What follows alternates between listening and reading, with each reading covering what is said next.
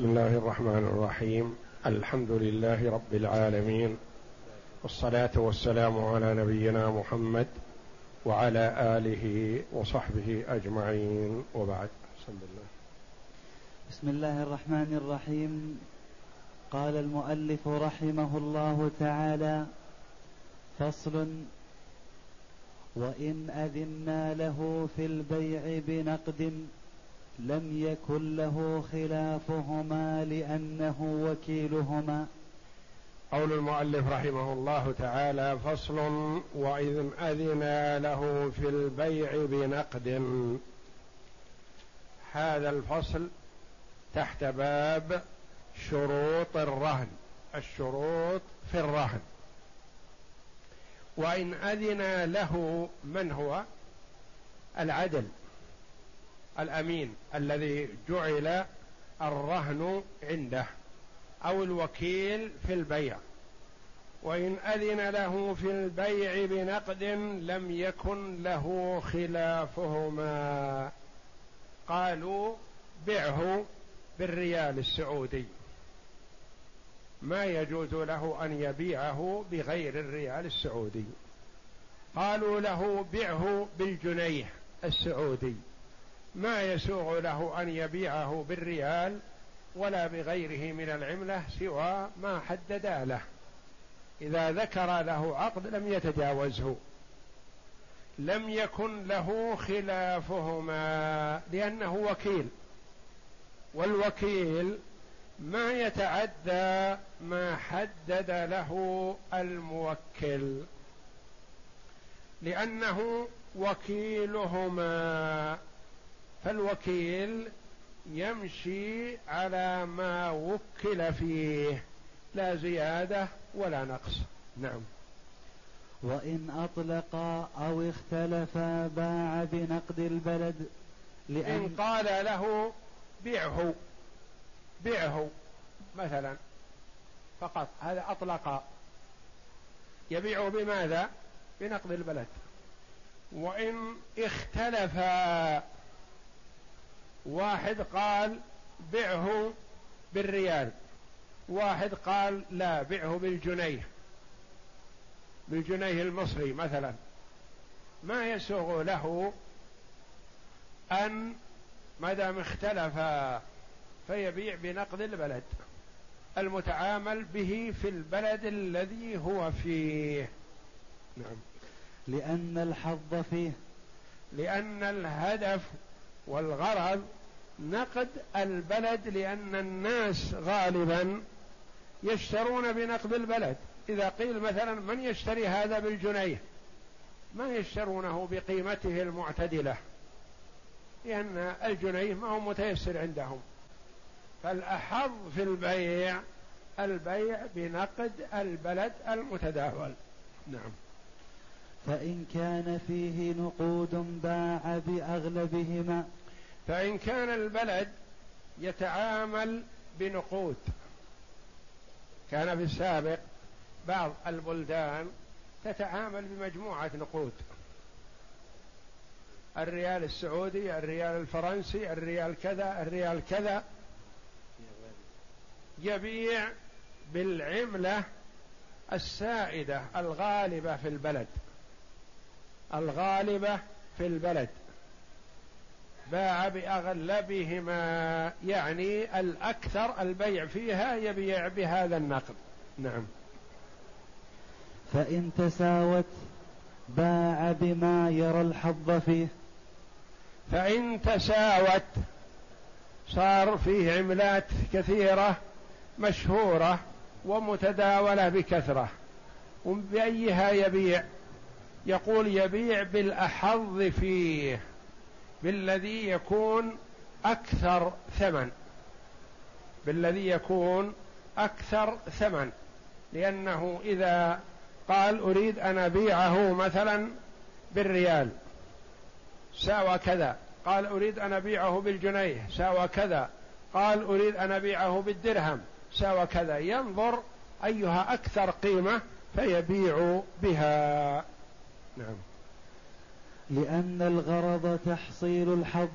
لأن الغرض تحصيل القيمة الأكثر.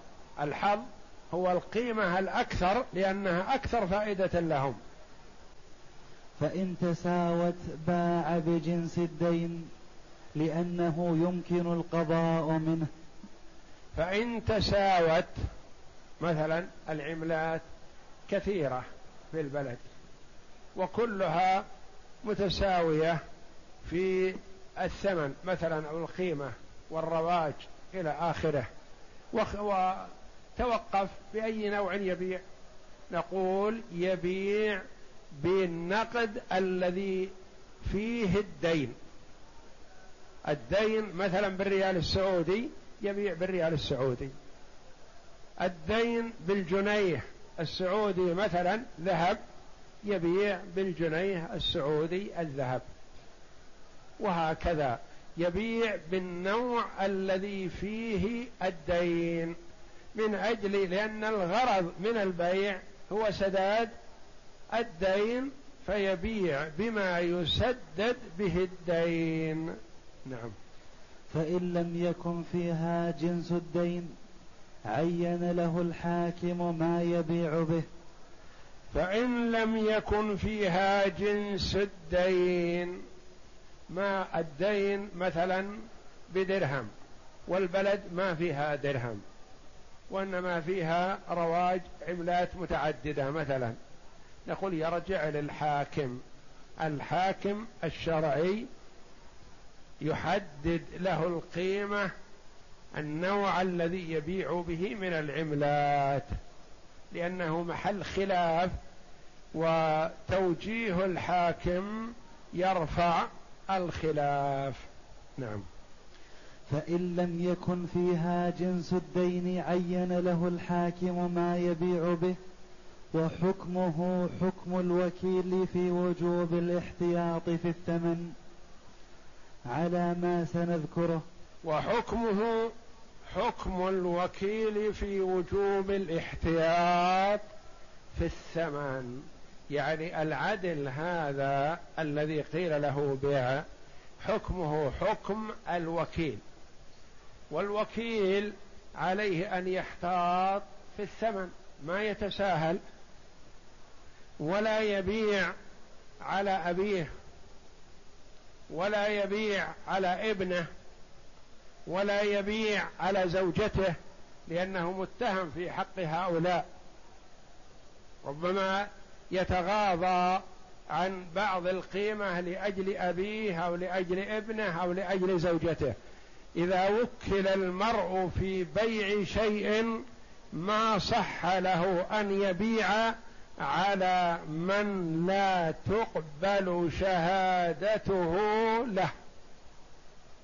كأبيه وأمه وابنه وبنته وزوجته. هؤلاء الأب والأم وإن علوا والابن والبنت وإن نزلوا والزوجة. أو إذا كان الموكل امرأة ما تبيع على زوجها لأن هؤلاء المرء متهم في البيع عليهم بأن يتغاضى عن شيء من القيمة. على ما سنذكره.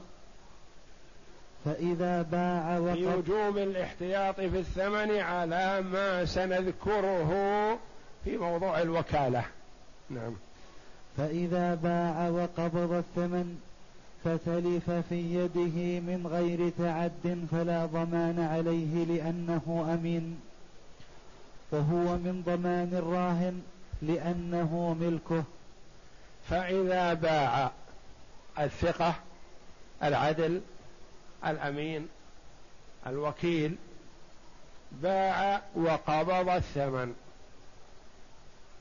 فتلف في يده من غير تعد ولا تفريط. فلا ضمان عليه. باع وقبض الثمن وذهب به للبيت ووضعه في مكان ما في البيت. فلما جاء يطلبه ما وجده. فجاءه المرتهن يريد القيمة التي باع بها. وجاءه الراهن يريد الباقي. يقول أعط المرتهن حقه وأعطني الباقي. أنت بعت بمائة ألف. والدين ثمانون ألف. أعط المرتهن ثمانين وأعطني الباقي عشرين. جاء المرتهن يريد ثمانين ألف. قال أنا أخذت القيمة واستلمتها ووضعتها في البيت فلما جئت لأخذها وتسليمها لكم ما وجدتها. وجدتها قد سرقت. أخذت من البيت.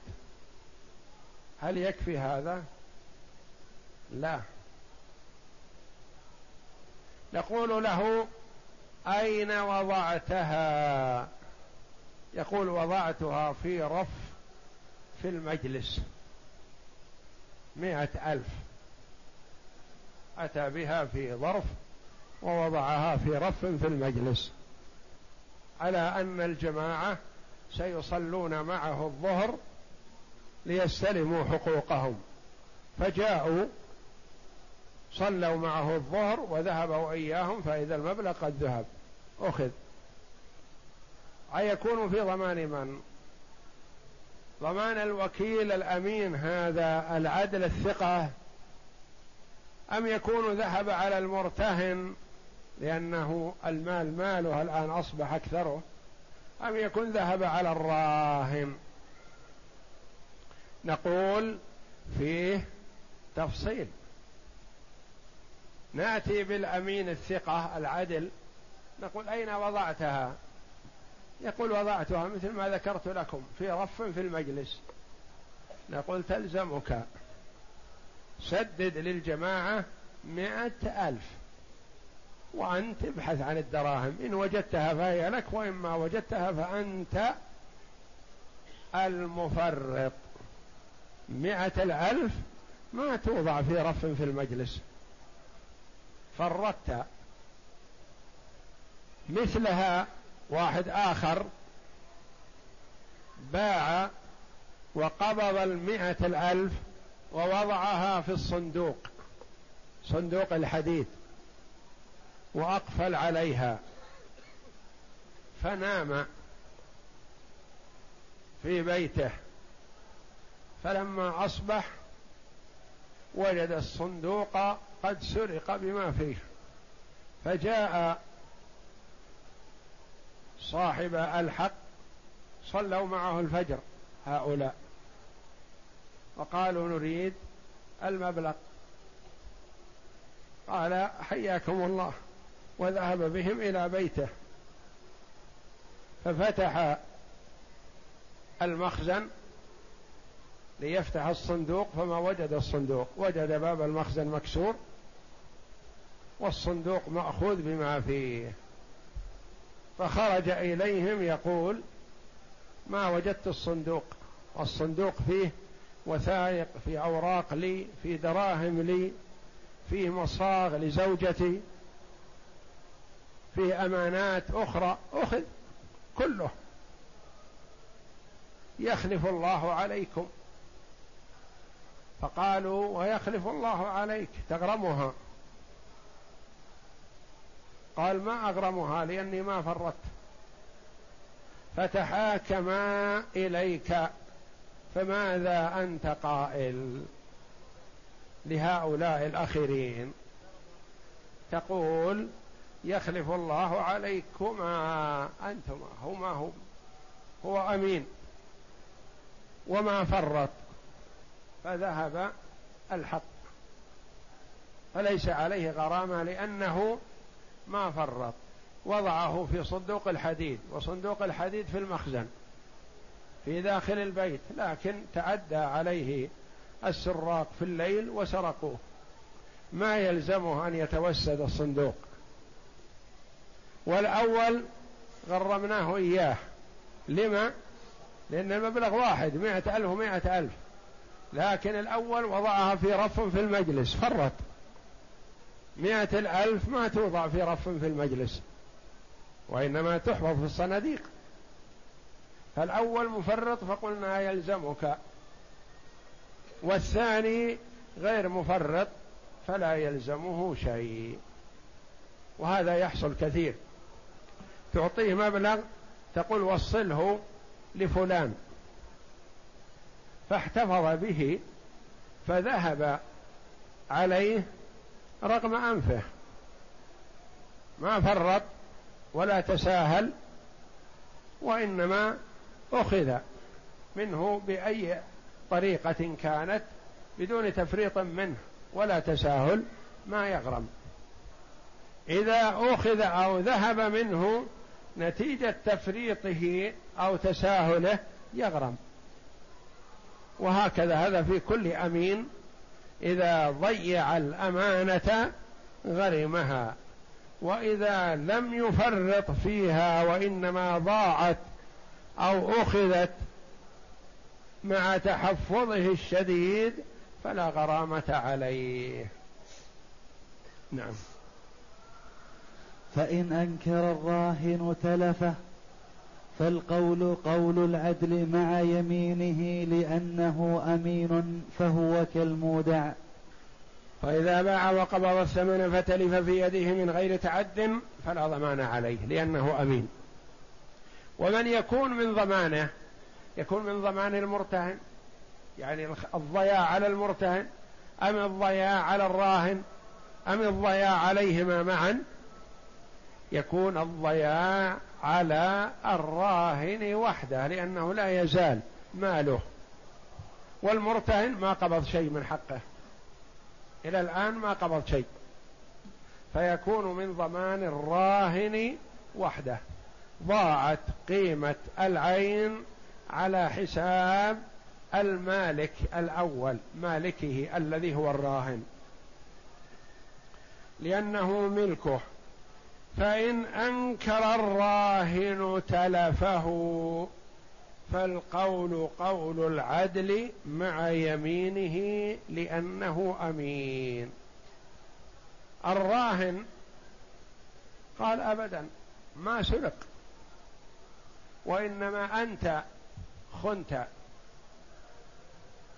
ونقلت الصندوق من مكان إلى مكان لتظهر لنا أنه سرق. أخفيته عنا. فأنكر الراهن يقول أبد مالي ما سرق وإنما مالي عندك. سلمه. واتق الله. وخف من وقوفك بين يدي الله يوم العرض. ستسأل عن هذا. مالي عندك فرده. ولا أصدق أنه سرق أبدا. أعطني شهود أنه سرق. ماذا يقول الأمين؟ يقول لو هنا شهود على أنه سرق ما سرق. ما يمكن يسرق بشهادة الشهود. لكنه سرق ليلا ما في أحد. وما أحد يعلم إلا الله. فقال ما أصدق ابدا أنا أغرمك حقي. وتله إلى القاضي. فجلس بين يديك. فماذا أنت قائل؟ تقول هذا أمين. وهو مؤتمن على ما يقول. لكن تطييبا لخاطرك أيها الراهن عليها اليمين. يحلف. إن الصندوق سرق بما فيه. وأنه لم يفرط ولم يتعدى. فله هذا للراهن اليمين وليس له غيره لأن الأمين يقبل قوله أحيانا بدون يمين وأحيانا باليمين. إذا ما صدق صاحب العين السرقة ما اقتنع نقول للمسروق احلف إن الصندوق سرق من عندك بما فيه دراهم فلان. فإذا حلف برا وهذا معنى قول المؤلف رحمه الله فإن أنكر الراهن تلفه. قال أبدا ما سرق. فالقول قول من؟ قول العدل. مع يمينه تطمينا لخاطر الراهن صاحب المآل. نعم. لأنه أمين. كثيرا ما يقول الفقهاء رحمهم الله القول قوله لأنه أمين لأن الأمين يقبل قوله. بخلاف من قبض الشيء لحظ نفسه فلا يقبل قوله. قبض الشيء لحظ غيره. يقال هذا أمين.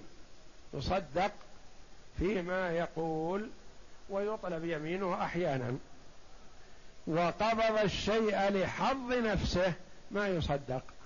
نعم. فإن قال ما قبضته من المشتري فالقول قول العدل لذلك. لأنه أمين فهو كالمودع. يعني كالأمين الذي أودع الوديعة يقبل قوله. فإن قال من هو القائل هذا؟ الضمائر هذه فيها فرق يختلف المعنى كثير. فإن قال ما حتى التاء الضمير في قبضته انتبه لها. فإن قال ما قبضته من المشتري فالقول قول العدل. هنا فإن قال أولا القائل نعرف من هو؟ هذا الراهن لأن المجادلة بين الراهن وبين الأمين. فإن قال أي الراهن ما قبضته التاء في قبضته تحتاج إلى فتحة. وعندنا في بعض النسخ نسخة التي معي فيها ضمة. وهي تحيل المعنى. ما في نسخة بالفتحة فإن قال الراهن ما قبضته من المشتري. يقول الراهن مالي عند المشتري. إلى الآن ما استلمته أنت. حتى تقول ضاع. فقال بل قبضته من المشتري وتلف في يدي. هنا على ما يظهر فيه اختلاف في المعنى. قوله فإن قال ما قبضته يعني كأن القائل المر الأمين كأن القائل الأمين يقول ما قبضته من المشتري وليس كذلك لأن الآن الجدال بين الراهن وبين العدل. فالراهن من حظه أنه يكون ما قبضه من المشتري. حظ الراهن أن يكون الأمين والعدل ما قبض القيمة من المشتري. والعدل يقول لا بل قبضته وأخذ مني سرق مني وأنا لم أتعد ولم أفرط. ففي هذه الحال يسلم. ويسلم المشتري. والعباره هذه ما هي قوية واضحة جدا في هذا. ورجعت إلى عدد من كتب الفقه المجانسة للكافي فوجدتها واضحة في الشرح الكبير. بالشرح الكبير يقول فإن خالفاه خالفا العدل. فإن خالفاه في قبض الثمن فقال فقال ما قبضه من المشتري قال من هما؟ الراهن والمرتهن. ما قبضه من المشتري وادعى ذلك.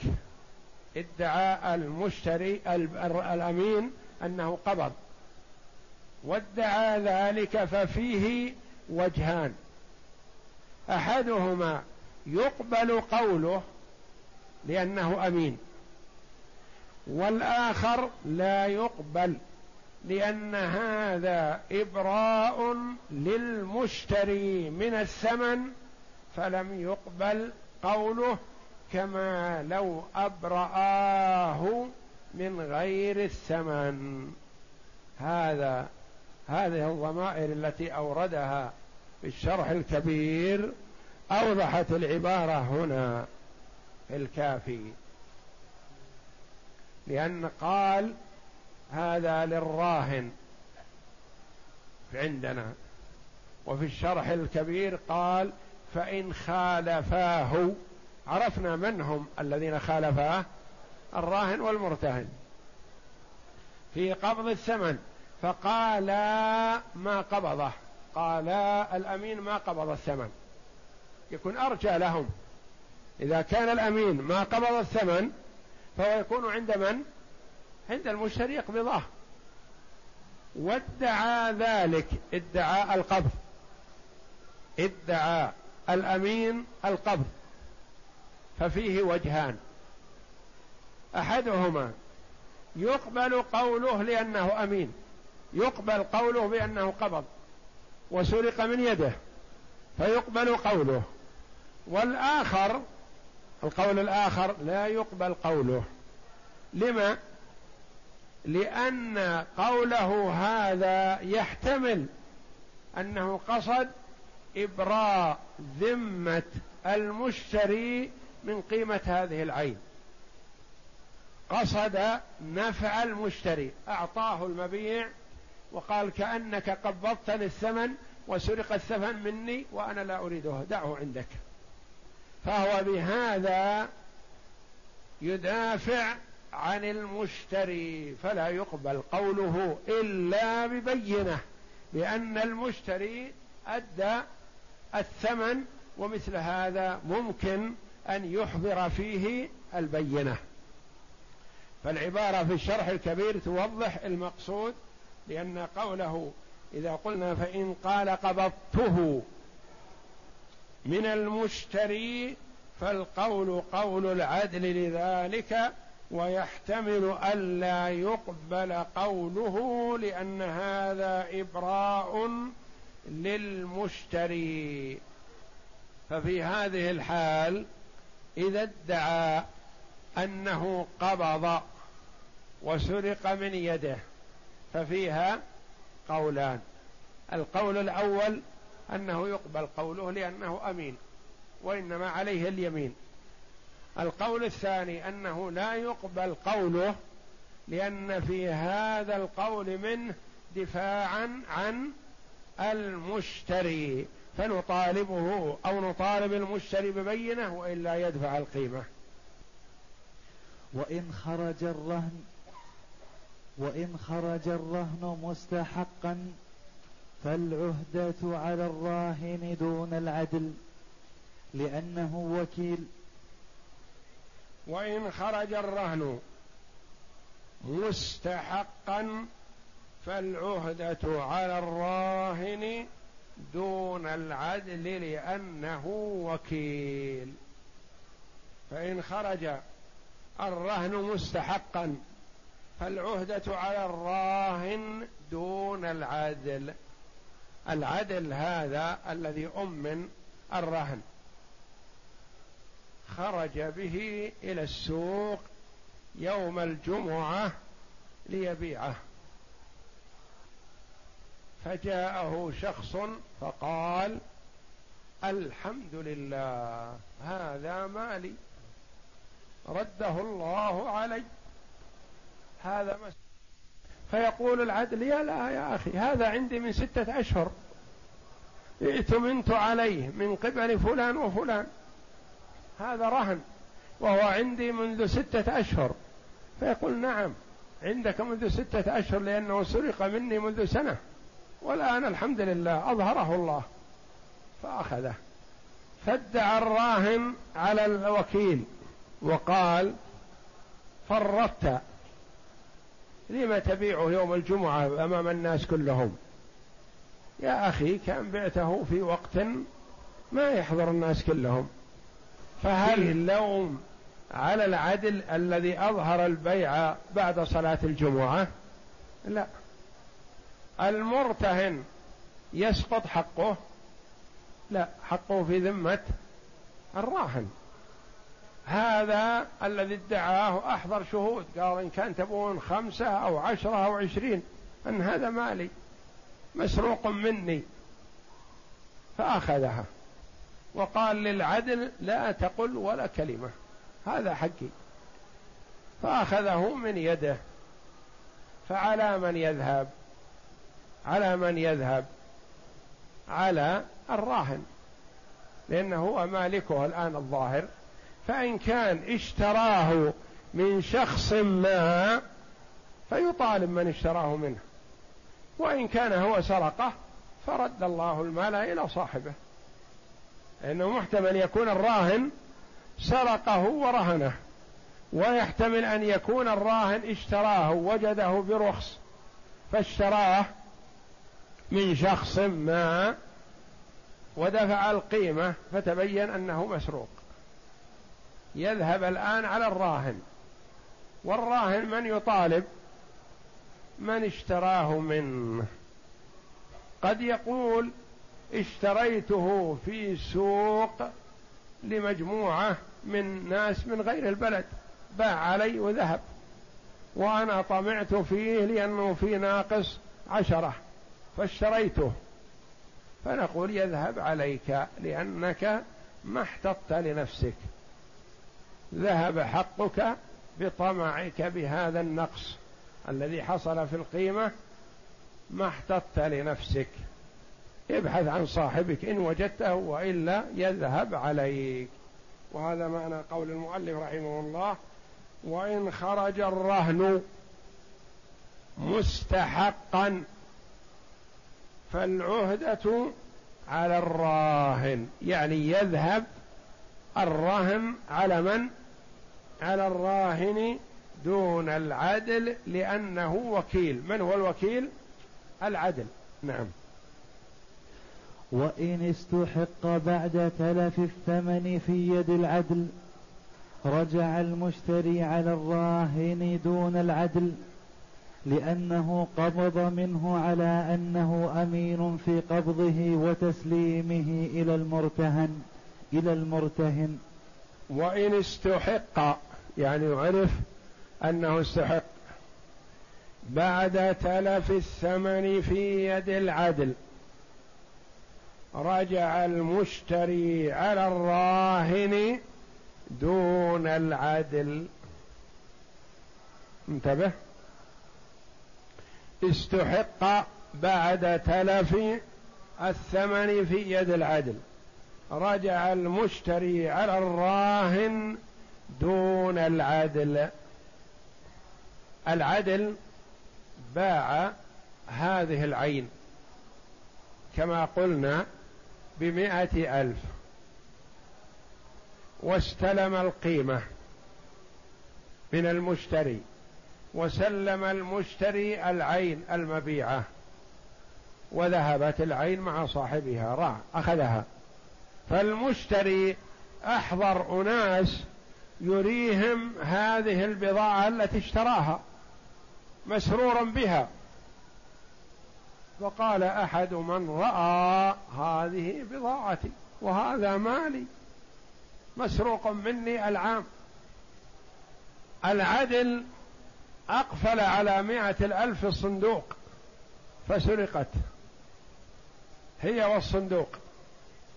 فالعين المشترات أخذها صاحبها الأصلي لأنها مسروقة منه. والثمن الذي دفع بيد العدل سرق. فما بقي بيد العدل شيء ولا بقي بيد المشتري شيء. من يدفع هذه الحقوق؟ المشتري يقول أنا اشتريت منكم بمائة ألف وسلمتموني العين. لكن جاء صاحبها وأخذها بشهادة الشهود بأن هذه عينه وماله فأخذها مني وأنا دفعت لكم مائة ألف أعطوني إياها. فيقول العدل الوكيل والله أنا مائة الألف نعم لو كانت عندي رديت عليك لكنها سرقت. فما الحكم؟ العين أخذت من يد المشتري والقيمة أخذ سرقت من يد الوكيل. ما بقي معهم شيء. المشتري مشتري ما لا غبار عليه. يقول أعطوني حقي. حقه سرق. لأن أصل مدخاله مو بحلال. فسرق. فمن كيف تسليم الحقوق هذه تداخلت. راح في هذه العين شيئان مو شيء واحد. راحت العين وراحت القيمة. كل واحد راح في جهة. والراهن ما قبض شيء والمرتهن ما قبض شيء والعدل ما بيده شيء الآن. كيف التصرف؟ وضح المؤلف رحمه الله. وإن استحق بعد تلف الثمن في يد العدل رجع المشتري على الراهن دون العدل. المشتري يقول أنا اشتريت بمائة ألف وأعطيتموني لكن أخذت. أخذت ضحى. وهو سرقة. أخذت على أنها ملك زيد. فأنا ما اشتريت منكم على أنها ملك زيد اشتريت منكم على أنها ملككم. وسلمتموني ملك زيد وأخذها زيد فأعطوني القيمة. من يدفع القيمة في هذه الحال؟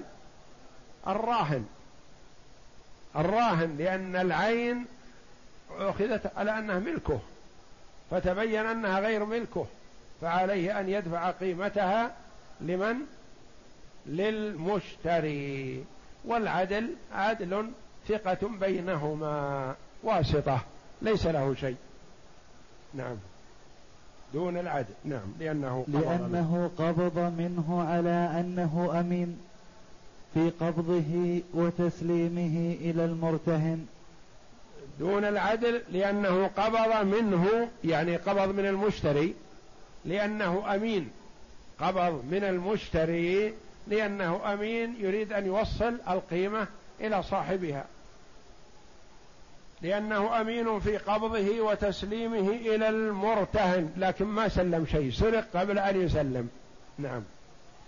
وإن كان الثمن باقيا في يد العدل أو المرتهن رجع المشتري فيه لأنه عين ماله قبض بغير حق. فإن كان الثمن ما سرق. الثمن بيد العدل. إلى الآن نقول رده إلى المشتري. الثمن أخذه العدل وسلمه المرتهن وهو موجود عنده. نقول رده إلى صاحبه. من هو صاحبه؟ المشتري. رده على المشتري لأنه عين ماله. وأنتم قبضتوه شيء مسروق وأخذه صاحبه. فيرد إليه عين ماله. نعم. وإن وجد المشتري بالبيع عيبا فرده بعد قبض المرتهن ثمنه. لم يرجع عليه لأنه قبضه بحق ولا على العدل لأنه أمين. ويرجع. ويرجع على الراهن إلا أن يكون نعم. العدل.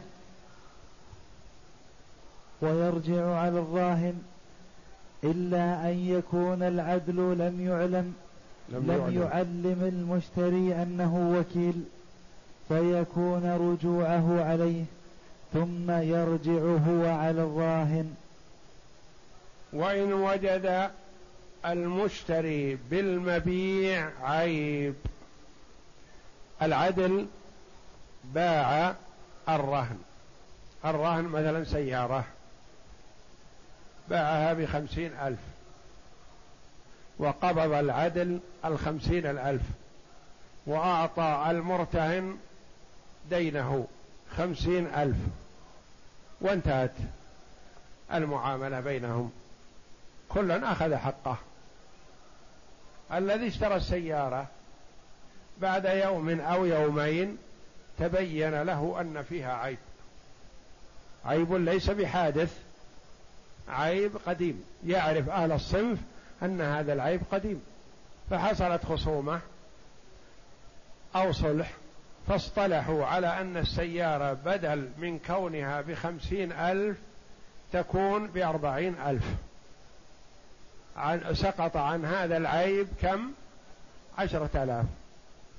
من أين يأخذها المشتري للسيارة؟ أمامه ثلاثة. أمامه الأمين الذي باع وقبض الثمن. وأمامه المرتهن الذي قبض الخمسين الألف. وأمامه الراهن الذي رهن السيارة وهو مالك السيارة في الأصل. على من يرجع؟ على الراهن. على الراهن. لأن الأمين أمين. لا تعترضوه. العدل عدل. والمرتهن قبض حقه. ما غش في شيء ما. استلم الدين الذي له على الراهن. الراهن هو الذي دلس في السيارة وأخفى العيب فيدفع عشرة آلاف للمشتري مقابل العيب الذي في السيارة. وهذا معنى قول المؤلف. وإن وجد المشتري بالمبيع عيبا فرده بعد قبض المرتهن ثمنه. لم يرجع عليه يعني لم يرجع على المرتهن لأنه قبضه بحق ولا على العدل لأن العدل واسطة لأنه أمين ويرجع على الراهن يرجع على الراهن. إن كان رد السيارة كلها يأخذ الخمسين الألف منه وإن كان قبل السيارة بعيبها وتنازل وأصطلح على أن العيب مقابل عشرة آلاف فيدفع العشرة الآلاف. إلا إن كان العدل لم يعلم المشتري أنه وكيل فيكون رجوعه عليه. العدل حينما باع السيارة قال هذه سيارتي. فالمشتري يرجع هم متبين بعد هذا أنه موكل في البيع وليس أصلي. يرجع عليه أم يرجع على الأصلي؟ يرجع عليه هو لأنه غش في كونه يقول هذه سيارتي. ما قال أنا أبيع هذه السيارة لزيد؟ قال هذه سيارتي. فيرجع إليه ويأخذ العشرة ثم هذا يرجع بالعشرة على الراهن. ثم يرجع هو على الراهن. والله أعلم. وصلى الله وسلم وبارك على عبده ورسول نبينا محمد. وعلى آله وصحبه أجمعين.